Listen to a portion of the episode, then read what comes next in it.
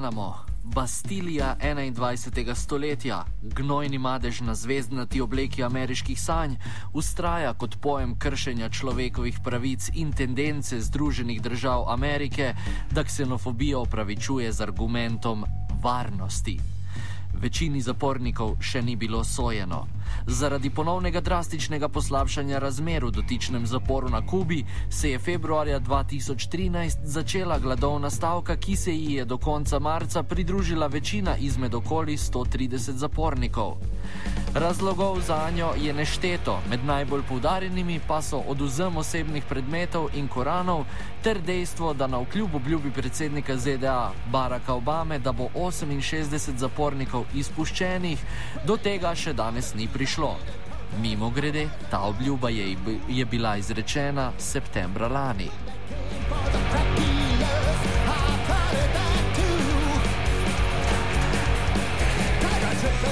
Razmere v zaporu naj bi se, po poročanju številnih organizacij za varstvo človekovih pravic, poslabšale do stanja, kakršno je bilo v času administracije Georgea Busha mlajšega med leti 2005 in 2007, ko se je v Guantanamu tudi odvila prva takšna množična gladovna stavka.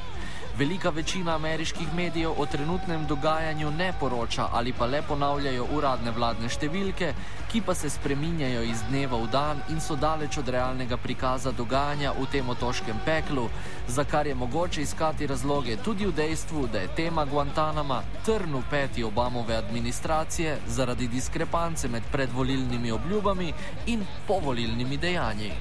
Detained.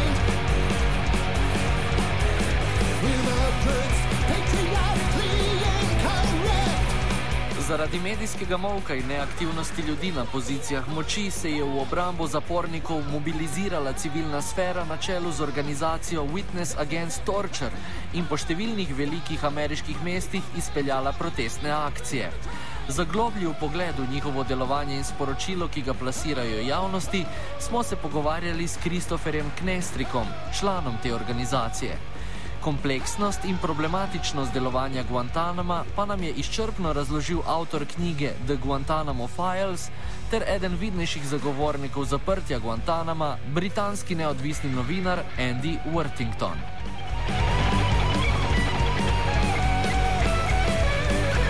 Z Worthingtonom odpiramo tematiko in sicer z vprašanjem, ali smo danes kaj bliže zaprtju omenjenega zapora kot pred šestimi leti. No, not at all. No, it's um, it's um, more difficult to close Guantanamo Bay now than it's ever been, um, and you know there are a few reasons for that. Um, primarily, the reasons are President Obama himself and the U.S. Congress. So um, the U.S. Congress has put up obstacles to the release of prisoners, quite quite serious obstacles. Um, they require the government to um, provide them with a statement guaranteeing that if people are released, they won't engage in subsequent anti-American activities, which you know I think is close to impossible to do. Um, and um, they've also imposed restrictions on um, prohibiting the release of any prisoner to any country where they regard it as um, as confirmed that somebody has engaged in anti-American activities. This word that they bandy around is recidivism um, somebody returning to the battlefield. Um, and there's been a lot of very, very um, unpleasant and inaccurate propaganda from various places in the United States, including the Defense Department, um, telling absolute lies about the numbers of people released from Guantanamo who have engaged in terrorism or military activities against the United States. Um, so it's all wrapped up with that. But, you know, fundamentally, President Obama is the President of the United States. And after his first two days in office, when he uh, was dealing with Guantanamo back in January 2009, when he issued the executive order promising to close the prison within a year, um, he hasn't stood up um, for the importance of closing Guantanamo and um, you know and, and done what is necessary to talk down his opponents. So he allowed Congress really to reach this, this the unreasonable position that they've that they've taken, which you know, which I believe um, is is mostly completely cynical and is designed for you know political gain, um, to keep the American people scared and to reassure them that these people advocating for Guantanamo to stay open are the people to look after them. Um, but, so the president has lost the propaganda game against Congress, and you know he's chosen short-term political gain over the long-term necessity of closing Guantanamo. And he has specifically been responsible for one of the problems, which is that you know he established a task force of uh, career officials and lawyers from the government departments and the intelligence agencies in 2009 to review the cases of all the prisoners. Now they concluded that of the 166 men still held, the United States didn't want to carry on holding 86 of those men. 86 of the 166 men at Guantanamo are still held. Um, this is one of the major reasons why they would be so upset and so um, desperate as to embark on a hunger strike because they're not being released. It's partly the congressional obstructions. It's also the fact that it, on Christmas Day 2009, um, a Nigerian man, apparently trained in Yemen, tried and failed to blow up a bomb in his underwear on a plane bound for the United States. In response to that, there was a huge backlash in the United States, and President Obama had pressure put on him to um, to introduce a ban on releasing any Yemenis from Guantanamo. So the men his own task force had cleared for release, he then banned from being released. Um, and that ban still stands, and there are apparently no plans to lift that ban. So, you know, people that the government says it doesn't want to hold, it has then decided that it does want to hold. That makes a mockery of all notions of justice as far as I can see, um, and explains to me why people in Guantanamo are so desperate that they've embarked on this prison-wide hunger strike, which of course is, you know, is severely, uh, potentially very damaging to their health. We could see people die at Guantanamo as a result of it. Govorili smo s Kristoferjem Knestrikom iz Združenih držav Amerike, ki vodi protestne aktivnosti v okviru obelodanjanja razmer v zalivu Guantanama. I am a member of an organization called Witness Against Torture, and Witness Against Torture has been working to shut down Guantanamo now for uh, many years. And our work in the United States currently, there's about 100 people also participating in a solidarity fast with the prisoners and also doing actions around the United States on the streets, demanding that uh, both the demands of the hunger strikers be met, and also that ultimately President o- Obama fulfills his promise to close down uh, this prison. Akcije omenjene organizacije potekajo po vseh Združenih državah Amerike. Kakšne so in kako obsežne so? Nadaljuje Kris Knestrik. Right now, Uh, we've had actions outside President Obama's house in Chicago. We had actions in New York City. We had actions in Washington, D.C. at the White House. We had actions in uh, Los Angeles. So, uh, and also international actions in uh, London.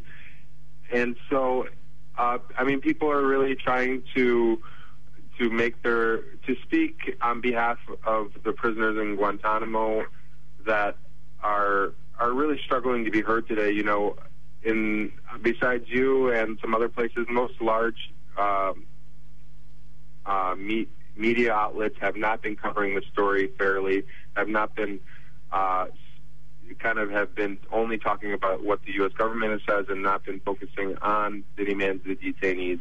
And so uh, our kind of actions are twofold. First, to let the world know that Guantanamo is still open that uh, there remains men in there that have been tried for release, that the United States still practices indefinite detention. People that uh, will have not ever been charged with a crime still remain uh, detained by the United States government in Guantanamo, and that they have a basic human right to either be charged with a crime or to be released.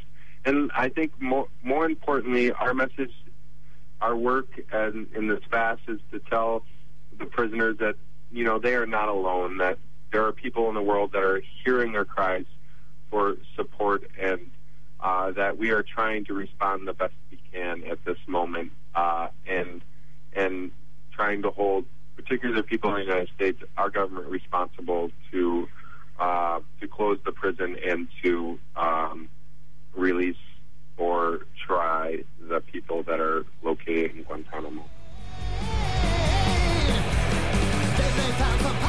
Delovanje skupine pozna tudi Andy Worthington, ki jih podpira ter hkrati spodbuja širšo skupnost k resnejšemu razmisleku o taborišču na Kubi. V krajšem pogovoru, ki sledi, več o vzrokih za nezaprtje zapora in o razlogih, da leta sploh obstaja. Well, you know, I think um, I, I mean I, I am full of admiration for for the solidarity that the activists of Witness Against Torture express with the prisoners by fasting, which they do every year on the anniversary of the opening of the of the prison, and you know, and they, um, you know, when you fast, you and when you also focus on why you're doing it, which they do, then you know you you get a very strong identification with the prisoners and with the with the injustice that's going on. Of course, you know, with the prisoners actually being on a hunger strike, them doing so has an added poignancy, I think, this time round. Um, you know, and I'm glad that you're talking about it. I'm glad to see that it's being um, reported in the media. Um, you know, regarding the hunger strike in general, um, you know, it, the, the, the Obama administration and the military have gone from a position of total denial to finally accepting that something is going on. So it's broken out into the mainstream media um, in a way that I would say Guantanamo hasn't for some time. I'm just hoping that that momentum is maintained. I think it's absolutely crucial for people to understand that, that the President of the United States has power. The, you know, the, the most convenient shorthand for explaining why Guantanamo is open, if you look at the media in general, is because of Congress. And while that's certainly true, it puts President Obama in a position as though the President of the United States doesn't actually have any power. So, you know, not only is he partly responsible for holding all these Yemenis, very, very significantly responsible for that, but um, it kind of abdicates, um, you know, the responsibility of, of, of people directing uh, the messages to the president, saying you must act on this. People who are unjustly detained are going to die unless you uh, do something about this. So you know that's that's again that's part of what the Witness Against Torture activists are trying to do, and the more we can um, expose this story and the reasons why why the prisoners would be so desperate, I think is hugely important. Do you believe that if American politicians would close Guantanamo, it would be like they would uh, admit that they were wrong, or what's the problem? Why why would uh, why do they want to close it? Well, yeah, I mean, I think I think that's a very important part of the story. Is that you know is that the the unfortunate truth about Guantanamo is that less than five percent of the people ever held there had anything to do with um, international terrorism. Um, so, you know, that's an embarrassing statistic. Well, at the moment, they're still holding, you know, about 20% of the people that have ever been held, and they can therefore avoid the embarrassment of having it all tallied up. So that's part of it. Um, you know, there are very dark forces at work still in the United States. Remember that it was the previous administration that put all this lawlessness into effect and they were backed by you know by people in the government departments and by lawmakers, and frankly by lawmakers not just from the Republican Party but from the Democrats as well. Um, so you know you can see that there's a problem there. I mean, the other problem is that there are other dark forces in the United States who are desperate to send new people to Guantanamo. These are not people that, that you know that anybody should regard as decent human beings, but some of them hold positions of power and influence. And what they would like to do what they love is the fact that Guantanamo allows them to deprive individuals of their liberty without having to provide any justification for doing so. You know, that's the hallmark of a totalitarian state. But there are people uh, within the United States, uh, while pretending that the United States is a country committed to due process and justice, who are enjoying the fact that since 9 11 they have been able to deprive people of their liberty. You know, now they would justify that by saying these are bad guys, but the problem is that they're not actually going through any of the processes required to establish that those people are the bad guys that they claim that they are. So, you know, it's a really, really despicable, lawless place, Guantanamo, still to this day. It doesn't matter how much it's been tinkered with a bit to improve the living conditions for some of the people there. The fundamental basis of it is horribly, monstrously unjust for any country that claims to respect the law and due process. Um, so, you know, if you take both of these parties, um, then, then obviously these are significant lobbies within the American political machine to try and make sure that Guantanamo isn't closed. Um, so again, you know, it's down to the president to, you know, to, with an eye on his legacy, as this is his second and final term, to have to leave office having done something about it. And that means taking on his critics and saying, look, everyone's got a bit carried away here. The majority of the people in Guantanamo were never anything more than low level soldiers fighting a civil war in Afghanistan between the Taliban and the Northern Alliance. If they were that, we know that you know many hundreds of people have been released who had nothing to do with anything. Um, there are still innocent people held at Guantanamo, but primarily, you know, what we have at Guantanamo are very low-level people who do not pose a threat to the United States. The president needs to say, "This is what my task force established in 2009," and it corrodes America's name to, to go through processes secure the release of prisoners and then not to release them. He has to do this. If he can't actually secure the complete closure of the prison, he has to have made significant steps towards its closure by the time he leaves office. Otherwise, this is going to be an enormous stain on his reputation in the history books. Allow me just one more thing, Andy, please. Do you believe that uh, dealing with these uh, dark forces that you mentioned, do we need uh, Luke Skywalker and other Jedi's, or, or how how should we handle with these dark forces? Well, you know, the American people need to understand that when they crossed over to the dark side, as Dick Cheney memorably described it in a TV interview after the 9/11 attacks, um, when when they were doing that, that was an extremely dangerous path on which to embark because it opens up the floodgates to accepting um, torture, indefinite detention, extraordinary rendition, um, extrajudicial killing of people, um, a complete erosion of due process and the foundation of a, of a country the, under the rule of law. Um, now, you know, the victims of this at the moment are Muslim men that the United States government claims are bad people. Um, but, you know, another group of people could be designated as such in the future. And we've seen that there are no safeguards um, to protect people from executive overreach. Now, you know, that, that ought to be troubling not only that it could apply to other people, but just in its own terms. You know, the United States claims to respect the rule of law. Um, people who live in countries that, that claim to be civilized have the right to know that they, they're not going to be abducted in the middle of the night, taken somewhere and tortured, um, all of these terrible things that have happened. You know, indefinite detention without charge or trial is a monstrous thing for any civilized nation to be imposing on people. Whatever stories it tells about who they might be and why it is that the rights that apply to normal human beings don't apply to them, it's simply not acceptable. So, you know, the American people need to realize that Dick Cheney took the whole nation over to the dark side and took them to a terrible place where people think that brutality and violence and murder and torture are somehow acceptable to keep America safe when, you know, practically that's not true. It doesn't keep America safer, but it also eats away at America's soul, um, you know, and that ought to be profoundly disturbing. Glede na to, da sta mrtva tako Luke Skywalker kot tudi Bog, ostaja na nas, navadnih smrtnikih, da smo sposobni dvigniti glave in pogledati okoli sebe, ter povzdigniti glas vsakokrat, ko zagledamo temne sile na delu. Offside sta pripravila Nathan in Mare.